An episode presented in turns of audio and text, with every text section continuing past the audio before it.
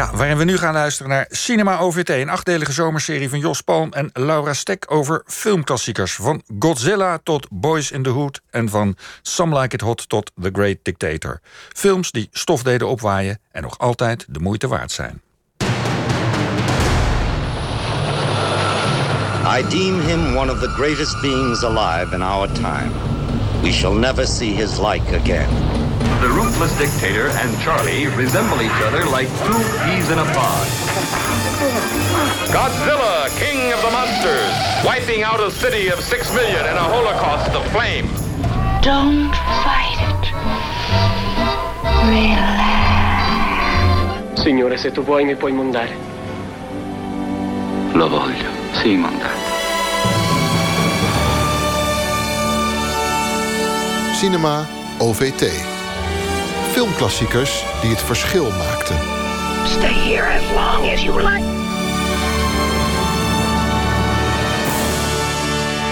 Vandaag als aftrap van onze zomerserie een bombastische spektakelfilm van maar liefst 3 uur en 40 minuten. Voor de kijkers met zitvlees dus. Een film uit 1962 die zeven Oscars binnensleepte. Het is een meeslepend epos over een Britse avonturier die echt heeft bestaan en waar allerlei mythes over de ronde deden. Ja, we hebben het natuurlijk over De Ridder van Arabië, oftewel Lawrence of Arabia. Tevens de grote doorbraakfilm van acteurs Peter O'Toole en Omar Sharif. En bij ons aan tafel filmkenner Floortje Smit, onze vaste gast voor deze serie, Midden-Oosten-deskundige Anneke Kateman en acteur Sadettin Kirmizius, die vanaf oktober in een stuk over Lawrence of Arabia te zien is. We hebben gekeken, neem ik aan, genoten, de 3,5 uur was het te doen. Wie voelt zich het eerste geroepen daar iets over te zeggen? Nou, ik vond het heerlijk. Ik had, hem, ik, had hem, eh, ik had hem eerlijk gezegd eh, nog niet gezien, moet ik tot mijn uh, schande bekennen. Um, maar uh, ik, had, ik had ook het idee dat het een soort schelmenfilm zou zijn. En dan heel lang met een man in een woestijn. Maar het is echt een, um, een fantastische film. En een hele mooie, complexe studie van een, van een personage. En voor mij persoonlijk, die drie uur en veertig minuten zijn echt omgevlogen. Geldt dat ook voor jou? Zeker, ja, wel met een korte, korte sanitaire stop tussendoor. uh, dat wel. Maar uh, nee, nee, dat, dat, gaat, dat gaat heel goed. Ja, en Anneke, uh, orientalist, Midden-Oostenkundige, kijk je dan met met, met andere ogen of heb je gewoon als mens gekeken?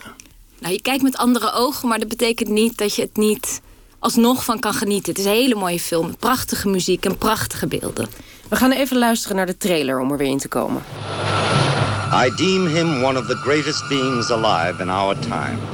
We shall never see his like again. His name will live in history. It will live in the annals of war. It will live in the legends of Arabia. Who is he? Petru. Lawrence of Arabia, the man torn between two civilizations, with Omar Sharif as Ali and Peter O'Toole as Lawrence.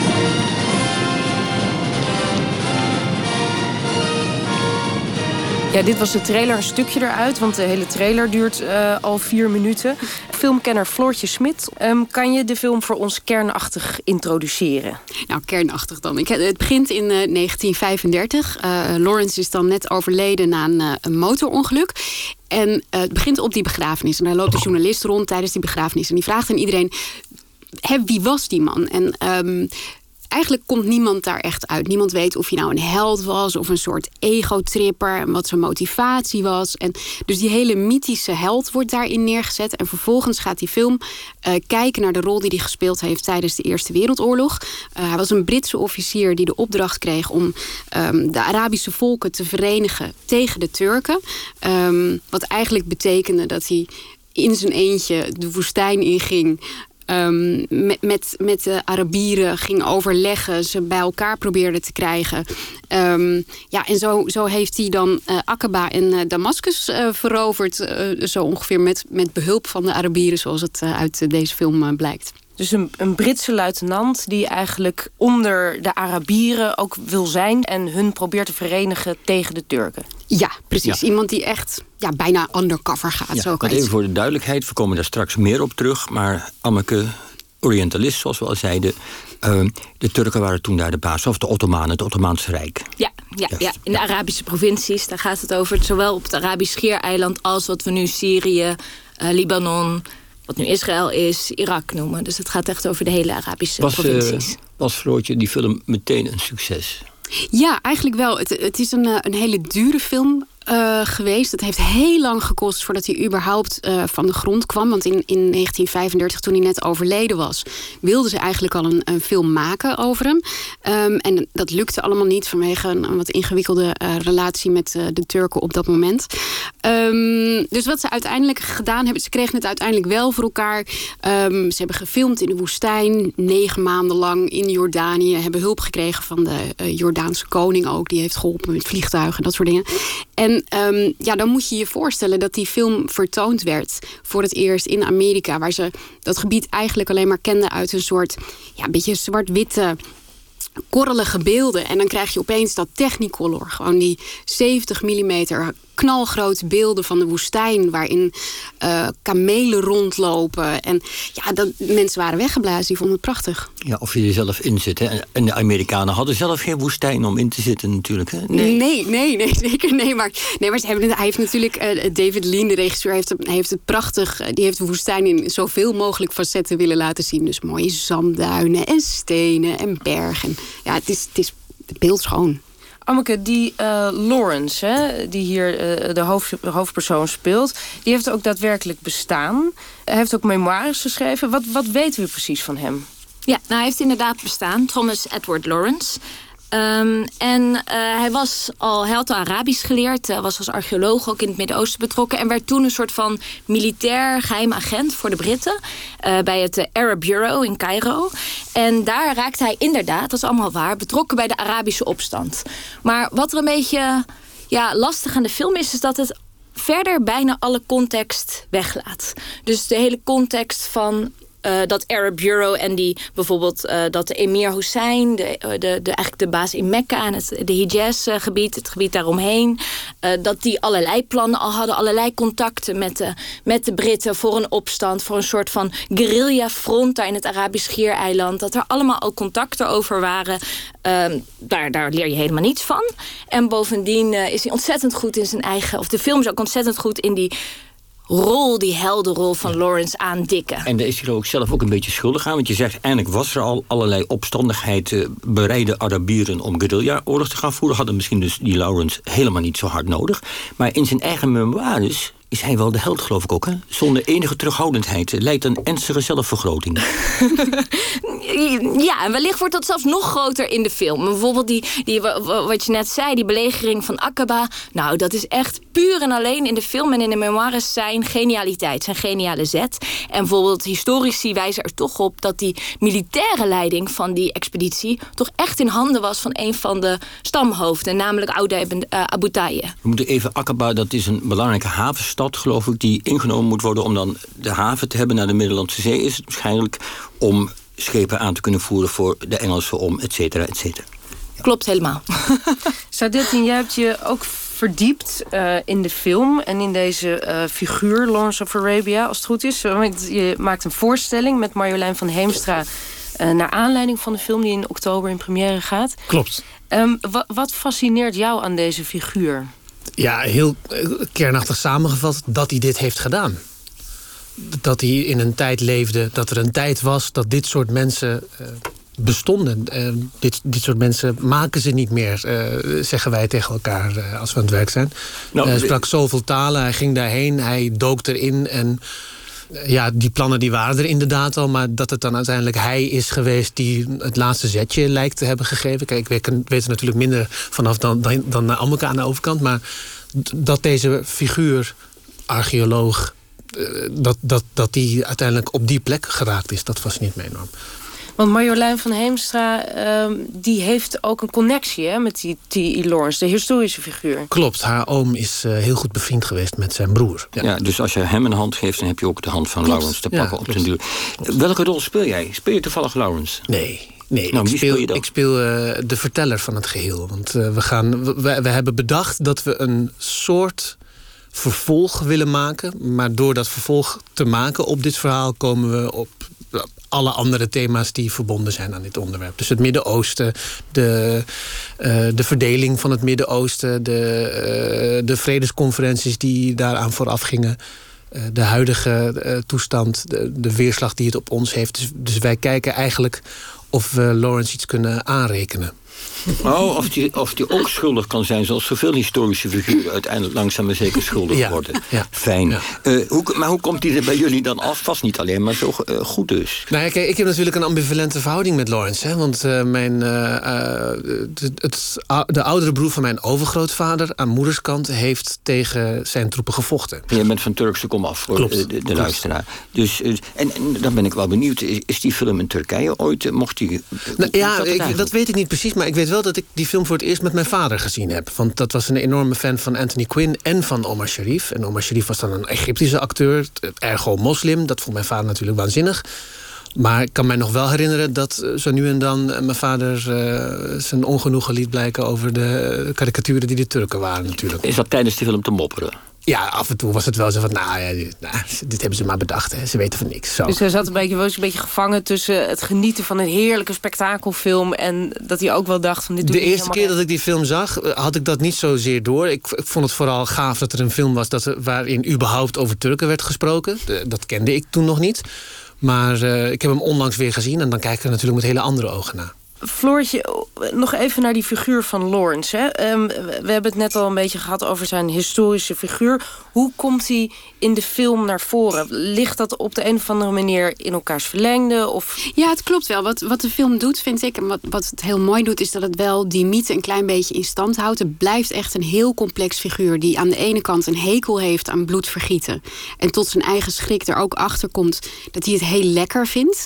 De, uh, dus er zit een soort fascinatie van... van geweld in. Hij is, het is heel, um, hij is heel complex. Aan de andere kant, uh, wat je ziet is dat hij ook toch wel weer typisch een, een Hollywoodse uh, white savior blijft, uh, blijft. Het is bijna een soort messias. Hij krijgt op een gegeven moment gaat hij ook, dan gaat zijn uniform gaat uit. Hij krijgt zo'n zo'n jurk aan en dan rijdt hij door die woestijn en dan is hij, ja, hij is de verlosser. Hij helpt die volkeren heel erg. En um, ja, ja dat, het, het is een beetje ingewikkeld. Hij zit ook op een gegeven moment uh, heel hoog op zijn kameel. Hè, een soort wit gewaad. En iedereen draagt dan zwart en blauw. Dus hij steekt ja. ook letterlijk gewoon af ja. tegen de rest. De witte held, ja. ja. We luisteren even naar een fragment... waarin een hele expliciete vergelijking wordt gemaakt. Give them something to do that can be done. But you, no, no, they must move mountains for you. They must walk on water. That's right. That's right. Whatever I ask them to do can be done, that's all. They know that if you don't. Do you think I'm just anybody, Ali? Do you? My friends, who will walk on water with me? Ja, er wordt hier nou ja, vrij letterlijke verwijzing gemaakt. Het is wel um, grappig trouwens, want hij worstelt ook zelf met die verlosserrol. Hij komt er later ook zelf wel achter dat hij niet helemaal de verlosser is... die hij op sommige momenten in de film zelf ja. ook wel denkt. Dus dat maakt hem wel heel interessant. Dit is het moment in de film, daar moeten we misschien niet te diep op ingaan... maar dan staat hij voor zijn laatste grote opgave, geloof ik. De inname van Damascus. En dan hij twijfelt, net als de echte verlosser... voordat hij naar Golgotha, Golgotha, Golgotha gaat, dan is de enige aarzeling... En zegt hij, wie gaat er met mij over water wandelen? Prachtig toch eigenlijk? Ja, het is, ja, het is prachtig. Ja, symbolisch gezien is het echt schitterend, ja. Maar zit hier ook uh, een soort ironie in van de regisseur? Of is dit heel serieus allemaal? Wat denken jullie? Ik denk dat het heel erg serieus is. Denk ik. Ik denk niet dat het, nee, ik denk niet dat het ironiserend bedoeld is. Dat het juist een soort nog epischer maakt dan dat het al is. Ik had wel het gevoel dat er ook ironie in zit. Hij gaat na een tijdje ook een beetje paraderen in, in, in, in zijn kleren, in zijn Arabische kleren. En daar wordt mij wel mee gespeeld, volgens mij. En hij wordt ook afgestraft hè, op het einde. Voor, zijn, voor het hele uh, verlosser zijn. Uh, het loopt niet zo heel goed met hem af uh, op den duur. Um, en in die zin, ja, hij krijgt er ook wel, wel straf voor. Goed, via Lawrence krijgen we ook een beeld ja, voorgeschoteld van de Arabier tussen aanstekens en de Arabische wereld. Laten we daar eens bij stilstaan. Want wat voor beeld krijgen we via die film, Floortje? Nou ja, het eerste moment waarop Lawrence degene ontmoet met wie hij later het meest militair zal gaan samenwerken is het moment dat uh, die man zijn helper doodschiet. En dat doet hij puur en alleen omdat hij uit zijn waterbron heeft gedronken. En dus eigenlijk het eerste waarmee uh, die hele wereld wordt geïntroduceerd is... het is een keihard land. Uh, daar, daar, wonen rukzichtloze, barbaarse mensen... die elkaar om niets doodschieten. En um, die allemaal met elkaar overhoop liggen... om redenen die we ook niet helemaal begrijpen. En um, het is een vrij, vrij negatief beeld. Ze hebben ook geen goede wapens. Uh, de Britten die moeten komen met, met vliegtuigen, dat soort dingen. En het is ook de reden trouwens dat hij in, in veel landen in het Midden-Oosten ook verboden is uh, geweest, deze film. Uitzondering is trouwens Egypte, omdat uh, Omar Sharif, degene die die hulp speelt, die heeft hem laten zien aan Nasser. En die vond het zo'n prachtige film dat het daar nog wel een hele grote hit is geworden. En Lawrence zegt dan ook bij die waterbron in die scène: van jullie zullen nooit hè, uh, ontwikkeld zijn als jullie allemaal maar blijven vechten als kleine groepjes. Uh, en jullie blijven primitief als jullie je nooit zullen verenigen. Ja. Dus dat is blijkbaar ook zijn beeld. Sheriff Ali, So long as the Arabs fight tribe against tribe, so long will they be a little people, a silly people, greedy, barbarous and cruel, as you are. Ja, dat is blijkbaar zijn beeld. En ik kreeg er zelf ook dat ik meteen dacht... oh, dat je dan als gewoon daar binnen stormt in een wereld die je verder niet kent... en dan vervolgens die wereld gaat uitleggen aan mensen die daar wel wonen... vind ik heel moeilijk. Ja, en ja, we hebben ook uh, Anthony Quinn. Dat is misschien wel de meest opvallende figuur... Uh, als we het hebben over representatie van de Arabier. Want die heeft gewoon een best wel lelijke grijs-groene plakneus ja. op ook. Ja. Dat je denkt, had dat dan in ieder geval niet wat mooier gekund. Maar uh, ja, hoe, hoe kijken jullie daar nu naar? Eigenlijk Guinness die is uh, toch? Ja. Ja, uh, ja dat, dat, dat zou tegenwoordig heel anders zijn, ja. Dat doen we gewoon niet. Dat, dat doen we niet meer. Nee, dat kan echt niet meer. Nee, het is anno 2019. Het is overigens mijn lievelingsscène die jij net noemt. Want daardoor had ik meteen zo van... oké, okay, dit is serieus. Dit is zo'n film. Dit is dus niet alleen maar we gaan op avontuur... maar het is ook gewoon... de boel wordt meteen op scherp gezet daardoor. Dat vond ik echt wel... En wat wordt er op scherp gezet?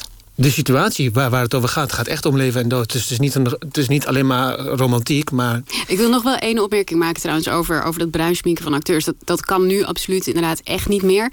Um, Omar Sharif was in eerste instantie dus ook niet gecast. Ze hadden ze Hélène Delon, hadden, hebben ze onder andere daarvoor uh, bedacht. En het is natuurlijk echt vrij stupide. Alleen Um, ze waren dus echt ook heel verrast dat Omar Sharif zo goed Engels sprak. En toen dacht ik, ja, want je zoekt natuurlijk een Arabische acteur die ook nog Engels spreekt. En um, voor hen, dat zat gewoon niet in het nee. bakje ja, op, op die tijd. En uh, mensen als bakje van de castings. Ja. En uh, Peter O'Toole was echt een, een onbekende acteur. Dus je had ook iemand nodig als Anthony Quinn. En je had ook iemand nodig als Alec Guinness. Die mensen naar de bioscoop trokken. Dus er zijn op zich redenen, maar het zou nu niet meer gebeuren. Laten we even luisteren naar Anthony Quinn... die uh, een van de stammenleiders Ouda Abu Tai vertegenwoordigt. En nou ja, dit is een van de scènes waar uh, uh, duidelijk... een soort primitief beeld wordt geschetst van deze man. My tribe is the Hawitat, who work at Ouda's pleasure. And Ouda's pleasure is to serve the Turks. Serve? I serve? I am Ouda Abu Tai. Does Ouda serve? Does Ouda Abu Tai serve? 75 men have I killed with my own hands in battle. I scatter, I burn my enemies' tents, I take away their flocks and herds. The Turks pay me a golden treasure, yet I am poor. Because I am a river to my people.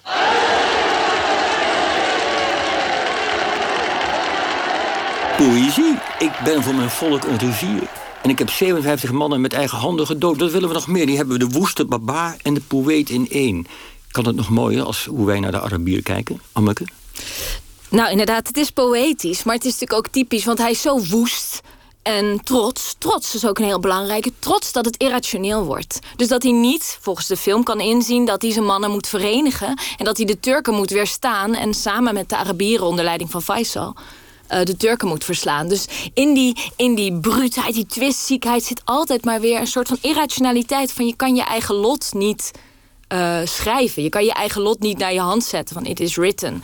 Uh, dat, dat, dat, dat lukt op de een of andere manier er niet. Iets, iets fatalistisch in. Zeker, Althans, ja. wij vinden, of wij vonden toen als Westerlingen... dat er iets door en door fatalistisch in zit in hun cultuur. Ja, dat werd vaak gezegd, juist van moslims. Van de, die, die, die almacht van God is zo groot. It is written. Dus het is allemaal gepredestineerd. Het is allemaal al geschreven door God. Dat er eigenlijk geen ruimte is voor menselijk handelen. Maar wel voor een mens als Lawrence. Want dat is dan natuurlijk de implicatie. Dat is de tegenstelling die er wordt opgeroepen. En zit er nog een ontwikkeling in dit karakter? Of blijft hij eigenlijk zo explosief? Ja, nou, ik vind dat er wel vanaf het begin is Oude Abu Taya typisch degene die ook wel veel ontzag wekt. Het is geen uh, het is niet alleen maar een vredaard. Hij, hij kan ook wat. En, en dat, dat is natuurlijk al, vaak bij van dat soort beeldvorming. is aan de ene kant heel negatief. Maar er zijn altijd ook ambivalenties in. Er is een zeker ontzag voor bijvoorbeeld Bedouinen. Uh, van dat, dat harde leven heeft hen ook heel... Uh, nou, dat, dat wekt ook wel ontzag op. Van wauw, wat een knappe van jaloezie en bewondering. Want er spelen er trouwens ook Zeker. echte Bedouinen mee, geloof ik, in de film. Weet jij dat? Dat zou kunnen, daarvoor moet ik meteen een Floortje kijken. Film.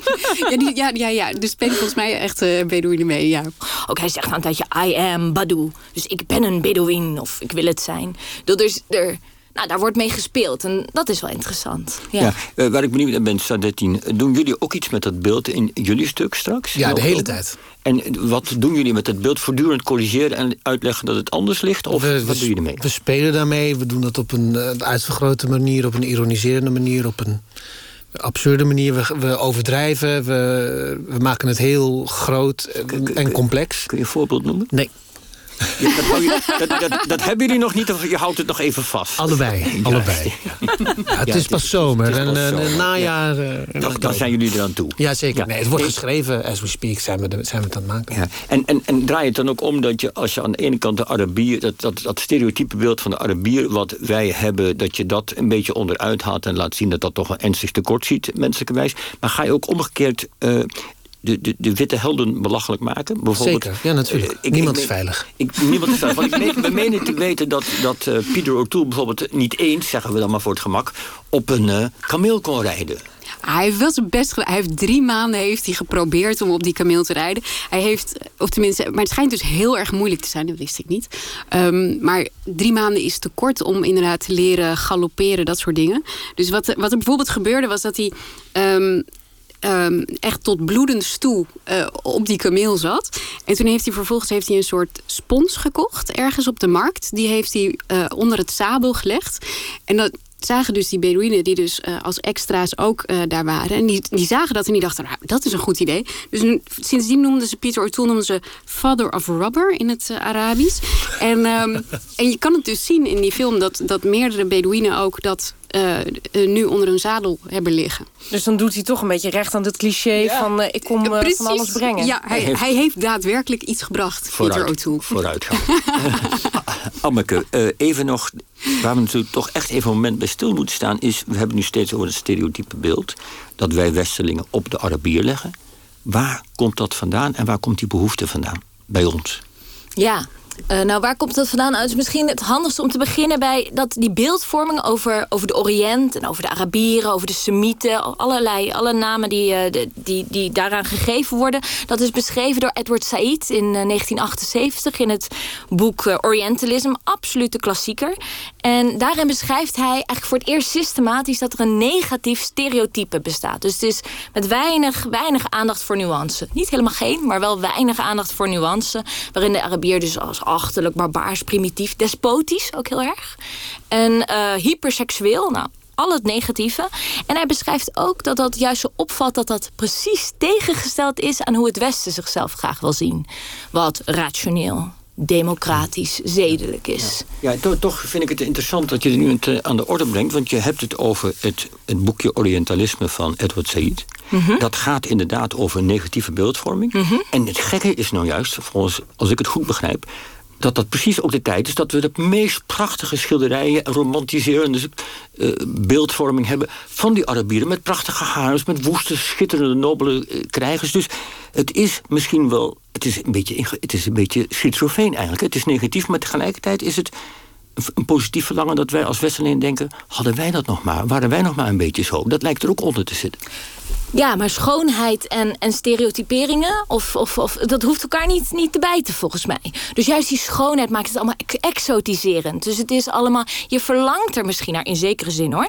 Maar in deel verlang je ernaar. Maar het betekent wel dat je die andere mensen in zijn geheel in één categorie in het verleden zet. Dat, dat is me nogal wat wat een beeld dan kan doen. En wat Edward Said ook beschrijft... is dat dat echt samenhangt met de tijd waarin deze beeldvorming tot stand kwam. Namelijk vooral zo eind 18e, 19e eeuw, uh, hoogtijdagen van het kolonialisme. En dat deze beelden bewust en onbewust. Dus niet allemaal een soort van stiekem boos plannetje. Maar, uh, soms wel. Uh, maar uh, dat dat dus uiteindelijk diende om een soort van superioriteit van de Westerling. Ja, en, en, ook onze missie te rechtvaardigen, Absoluut. te legitimeren. Missie om democratie missie. te brengen. Ja. Missie, missie om andere mensen te besturen. Want, zoals Lawrence ook al laat zien, ze snappen het zelf niet. Dus dat, dat zit er echt heel... Dat heeft deze film echt heel sterk, ja. Uh, Floortje, is die stereotypering ook een traditie in Hollywood? Ja, zeker. Ja, ja. Het, is, uh, het is de laatste jaren dat daar eigenlijk uh, vraagtekens over uh, worden gesteld. Het is, um, als je Arabieren ziet, dan zijn het meestal terroristen. Of tenminste, dat was altijd zo. Hè. Als er een gebouw opgeblazen was, dan waren dat meestal mensen uit het Midden-Oosten. Um, je had Aladdin, een film die heel, ook heel romantisch was over, over het Midden-Oosten. Maar waarin ze een liedje dan hadden gezongen waarin ze zeggen van hier hakken ze je hand eraf als je je gezicht je niet aanstaat. Nou, dat was 92, 93 geloof ik. Nou, heb ik nog heel veel gekeken. Ja, en, het, en, ook. en je moet je niet vergissen, deze film, eh, deze Lawrence of Arabia, is ook heel erg invloedrijk geweest. Bijvoorbeeld op uh, Steven Spielberg, die dit uh, zijn lievelingsfilm noemt. Dus in de Indiana Jones films, als je daar Arabieren ziet... zie je ook datzelfde soort beeld weer, weer terugkeren. Dus um, het is gewoon een, het is, die invloed is gewoon heel erg sterk. En, en, zijn er ook momenten dat die film misschien ook een beetje breekt met die traditie van stereotypering, van negatieve stereotypering? Want je kunt best een beetje verliefd worden op een aantal van die helden daar, bijvoorbeeld Omar Sharif. Ja, wat mij betreft zit hij hem vooral in Faisal. Ja, sorry, in Faisal, dus de emir. De leider van de opstand. Nou, het interessante aan Faisal is... De, kijk, de rest kan prachtig zijn... maar nog wel een beetje exotiserend prachtig, zoals Omar Sharif. Maar Faisal heeft iets interessants. En het is niet zo dat hij helemaal een het uh, breekt met, dat, met die beeldvorming. Maar hij is in de film heel rationeel, heel kalm, heel strategisch. En ook veel kalmer en rationeler dan Lawrence. Dus dat, dat is een interessante. Daar moet je iets mee. Ik, de, ik, denk dat het ook de kwaliteit van de acteur is. Ik, de, ik, ik, uh, ik denk dat uh, Guinness ook gewoon uh, zichzelf als doel zou hebben kunnen stellen. Ik ga hier een interessanter karakter van maken dan mijn wild gesticulerende collega's. die Arabieren op deze manier mee. Ik, ik snap ja. wat je bedoelt, maar ik denk ook, dit zou wel eens de acteur kunnen zijn die die een extra laag heeft willen aanbrengen. Wat, wat ik heel goed zou vinden. En, zeg je dat nou omdat je dat zelf ook eh, bij tijd en wijle met een zekere regelmaat doet? Dat je een uh, rol denkt, nou ja, dat is helemaal niet zoals... die ga ik nog een beetje verbeteren? Nou ja, ja, ik denk dat je een karakter altijd zo in, interessant mogelijk moet maken. Tenminste voor jezelf. Dat het, een, dat het niet een eendimensionaal uh, figuurtje wordt dat je speelt. Dat er een verdieping in moet zitten. Over wat jij zegt over die ontwikkeling. Dat vroeger Arabieren waren dan meestal de daders. Nou ja, er is een hele goede documentaire over waar ik nu even niet op kom. Maar dat, dat, dat neemt dat mee. Maar je ziet ook nu dat uh, slechterikken. Uh, even heel, misschien een zijpaadje. Maar slechterikken in films zijn tegenwoordig vele malen interessanter dan, nou, ik zeg maar wat in de jaren 50, waar het gewoon handen wrijvend en dan de schone deerne roven. Maar nu is dat, dat je veel meer ja, die lagen ziet. En ik kan me voorstellen dat dat, nou, anno 62, een acteur als uh, Guinness echt wel zoiets gedaan zou kunnen hebben. Ja. Maar over die beeldvorming nog even die hier uh, zo naar voren komt. Was dat ook een van de redenen dat jullie Lawrence of Arabia hebben gekozen als uitgangspunt voor een toneelstuk? Of wat was eigenlijk de motivatie? Nou, eigenlijk het beeld dat wij van hem hebben en of dat wel klopt. Dus het westerse beeld, dat, dat vooral door die film bepaald is, denken wij. Of, of dat nu inderdaad wel klopt. Ja, en wat ik net al aangaf, ik kijk er misschien een klein beetje anders tegenaan. Maar als ik het bijvoorbeeld met familie heb. Ik heb een neef uit Turkije die op bezoek is nu in Nederland. En die vroeg, wat ga je doen? En ik vertelde hem dit. En nou ja, aan zijn reactie was meteen heel duidelijk van... oh ja, wij, wij kijken daar echt, echt anders naar dan nou, iemand die daar vandaan komt. En hoe? Wat, wat zegt hij dan specifiek? Ja, een, een, een, een, het, het meest expliciete voorbeeld van uh, westers imperialistisch kolonialisme. Ja. Deze film. Zo'n figuur. want zo'n figuur, want hij was niet de enige natuurlijk. Ja, we horen net al de waarde al plannen. Ja, het, het, het, het, het, het letterlijke voorbeeld van dat die, dat, dat die bewegingen, dat die machten er zijn. Ja. Want laten we wat eh, dieper ingaan op de situatie eh, van die tijd. Hoe, hoe zit het in de jaren 10, 20 in het Midden-Oosten ongeveer? ongeveer. Anneke, deze vraag is voor ja, jou. Ja, ja, ik snap het. Pak hem op. Ja, um, ja nou, we, eh, laten we het even beperken tot de, tot de provincies waar het over gaat. Namelijk de Arabische provincies van het Ottomaanse Rijk. En de, natuurlijk de, de Eerste Wereldoorlog. Dus de Ottomanen schaarden zich aan de kant van de Duitsers. Tegenover de Russen, heel belangrijk, die, juist die tegenstelling voor de Ottomanen. En de Britten en de Fransen. Dat was de, de Eerste Wereldoorlog. En de Britten probeer, en de Fransen probeerden eigenlijk continu hun belangen in het Ottomaanse Rijk alvast voor na de oorlog veilig te stellen. Want wat wilden zij heel graag, net als Noord-Afrika, ook het Midden-Oosten nog veel intensiever eigenlijk. Uh, uh, ja, uh, invloed op uitoefenen. Ze hadden al invloed op het Ottomaanse Rijk met allemaal handelsconcessies. En er was al heel veel, uh, heel veel invloed wat daarop werd. maar maar dat, dat probeerden ze veilig te stellen. Door onder andere dus met die emir Hussein van Mekka.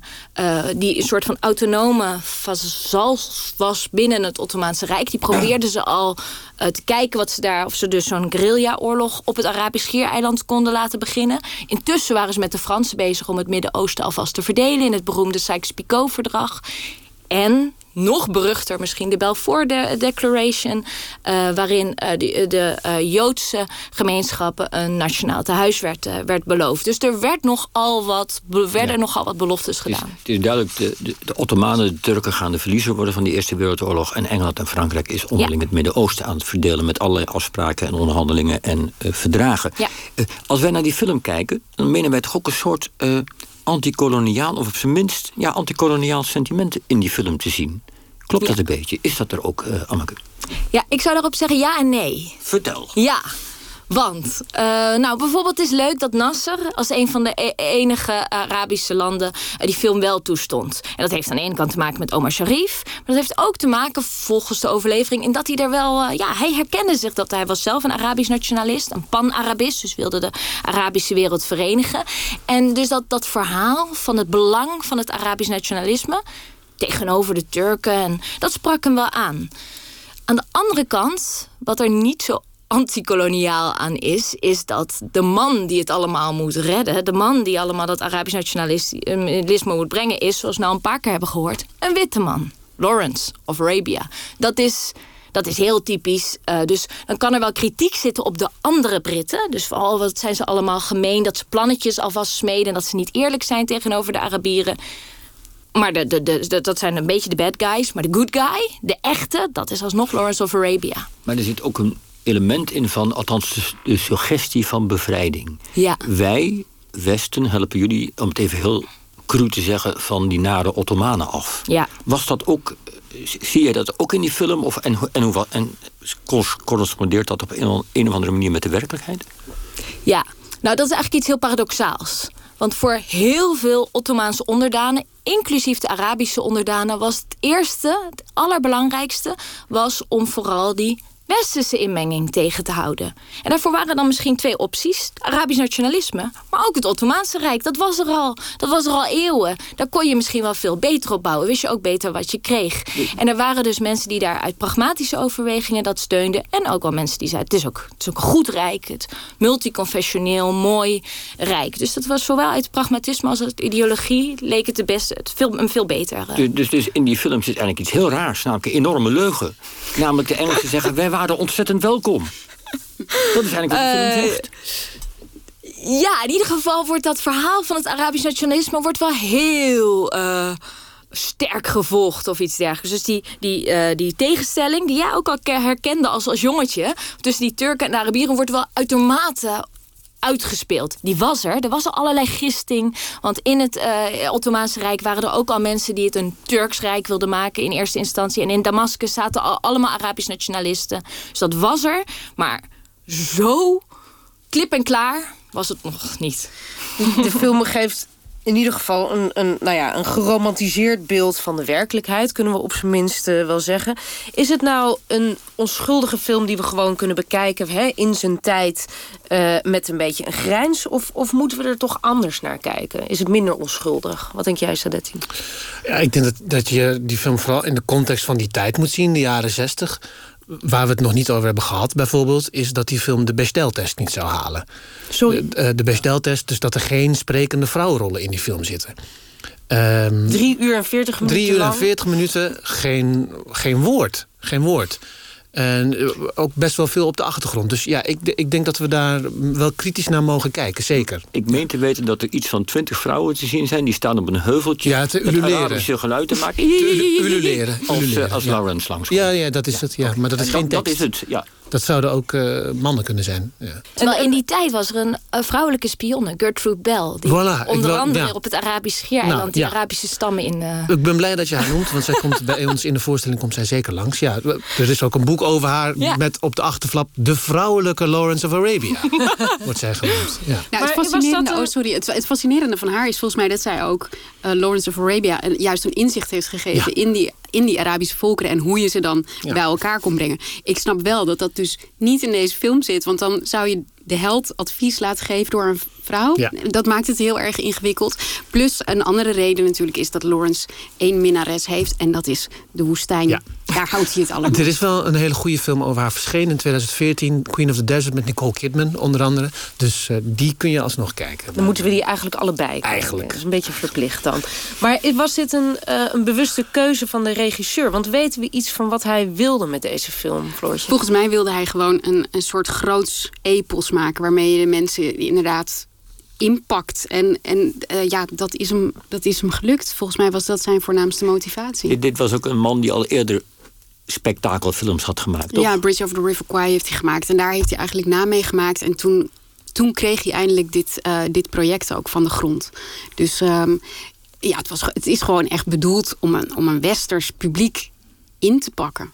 En je had het net over, hij, had- hij heeft één geliefde, Lawrence, en dat is de woestijn. En die zal hij ook nooit eh, meer terugkrijgen. En dan wordt ook een beetje gesuggereerd dat hij daarom misschien op zijn motor ook wel eh expres is verongelukt. Maar dat is dan aan de kijker.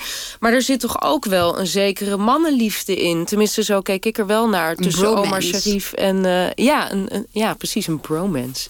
Ja, Ja, hoe, hoe, hoe zien jullie dat? Nou, het is een van de dingen die, ehm, maar dat weet jij misschien beter, die ook eh, eh, van de verhalen die, die om hem heen hangen, hè, dat hij eigenlijk homoseksueel zou zijn. Eh, het is een van de redenen waarom het script in eerste instantie ook niet goedgekeurd werd door de, de broer ehm, van Lawrence, omdat hij niet wilde dat dat heel erg uitgemolken werd. Dus er is een, een soort eh versie nu. Ja, ik had persoonlijk, ja, ik geloof ook gewoon in, in een bromance. Dus ik had, ik had daar weinig gevoel bij. De enige, enige keer dat ik dacht, oeh, we gaan nu richting homoseksuele erotiek... is eh, op het moment dat hij gemarteld wordt door een, eh, een, een, eh, een Turkse... of is het een officier, ja, hè? Ehm, waarbij het er wel heel overduidelijk in ligt. En dan, dan wordt het ook meteen, vond ik, heel erg ongemakkelijk. Iedereen zit ja te knikken, behalve Sadatine. of Ik knikte niet? ook. Oh, je knikt ik ook, ja. ook. Ik knikte heel hard, ja. Mijn pest vloog bijna af. Doen, doen, doen jullie nog iets met het homo-erotiserende Zeker. element? Ja, zeker. Maar daaruit spreekt volgens mij, eh, eh, naast het feit dat het misschien wel eens zo zou kunnen zijn, ook een soort, eh, ja, een soort beeld over Arabische mannen, toch? Dat daar. Kijk, als ik in Turkije ben bijvoorbeeld, dan loop ik gearmd met mijn neef over straat. Ja, en hier krijg je moeilijkheden. Nou ja, hier niet, maar hier doe je dat minder snel. Ja, en eh, ook als je eh, eh, in, in, in een Arabisch land in mannengezelschap verkeert... Ja, je hebt daar gewoon fysiek contact. Dus een, een, een hand op je been. Eh, maar dat betekent niet, eh, kom jij maar eens even mee met mij naar achter. Maar ik denk dat, het daar, dat daar wel iets in zou kunnen zitten. En, ja, en, en dat hij volgens mij eh, echt gemarteld en seksueel misbruikt is... Ja. volgens mij ook wel echt gebeurd, Ja, geloof klopt. ik. Ja. En nog even eh, wat setfeitjes, want, want dat er dus geen vrouwen in zitten. Wij dachten misschien was dat ook wel expres... omdat Pieter O'Toole en Omar Sharif eh, nogal van de vrouwtjes waren, Wat, zegt je dat lekker? Wil iemand hier commentaar op geven? Floortje of nou ja? Ze zaten, negen maanden, ze zaten negen maanden in een tent natuurlijk in de woestijn. Eh, ik kan me voorstellen dat er misschien een overweging gemaakt is. Maar aan de andere kant, nee, toch ook weer ook weer niet. Ik, het is natuurlijk ook, het speelt zich ook gewoon wel af in de woestijn in een soort oorlogssituatie. En die Gertrude Bell was er natuurlijk, maar um, er komt op een gegeven moment zie je ook dat dat zijn wel vrouwen die je ziet. Je ziet alleen een hand. Uh, ze worden aangedragen in een soort draagwagens en dan zitten ze verstopt in een uh, ja bijna als een soort harem die je meeneemt of zo werd gesuggereerd. Vond ik ook heel erg ingewikkeld. Het gaf meteen ook weer een soort exotisch uh, laagje eraan. Dus nee, ja, nee. Dat zie je natuurlijk heel veel, die beeldvorming. Van die viriliteit en die mannenliefde. Hmm. Ja, er wordt ontzettend mee gespeeld, de hele film lang. Dat is ook wel lekker om naar te kijken, toch? Tuurlijk. Ja.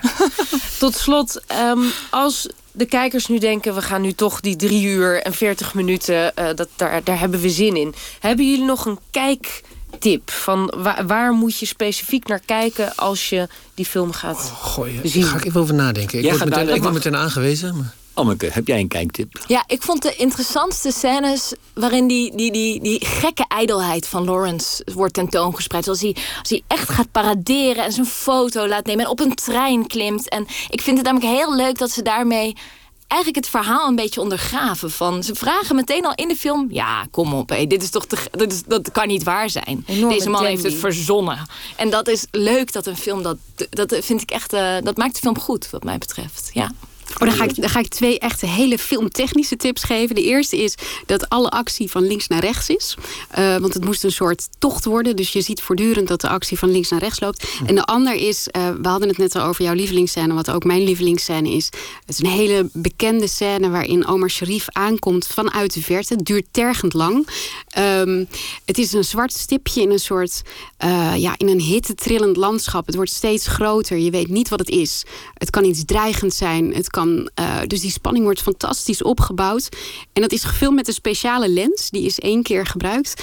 Um, voor deze scène alleen. En dat uh, heet nu tegenwoordig uh, de David Lean lens. Dus daar zou je ook op moeten letten. En wat ik ook heel knap vind, want ik heb toen specifiek opgelet... omdat ik wist dat het zo moeilijk was om op een kameel te blijven zitten... dat is de hele tijd Omar Sharif geweest, want het is één shot. Ja, ongelooflijk. Ja, het is geen stuntman of nee, zo. prachtig. Nou, respect. Nou ja, ik, uh, ik zou dan, ik, ja, ik zou dan uh, om, omdat ze nu al een aantal keer genoemd zijn, de kamelen. Ik zou dan kijken en uh, op de kamelen letten. Want het gaat in dit gesprek nog niet over de dieren, maar ik vind dat de dieren het ook heel goed doen. maar die zullen wel een totale PNNS zijn geweest. Dat is Ongetwijfeld. logistieke hel. Ze werden waarschijnlijk ook niet betaald. Dus. Schande. Goed, hartelijk dank Sadatien Kermisius, Ammeke Kateman en Floortje Smit. Dit was de eerste aflevering van onze zomerserie over filmklassiekers. En deze ging over Lawrence of Arabia.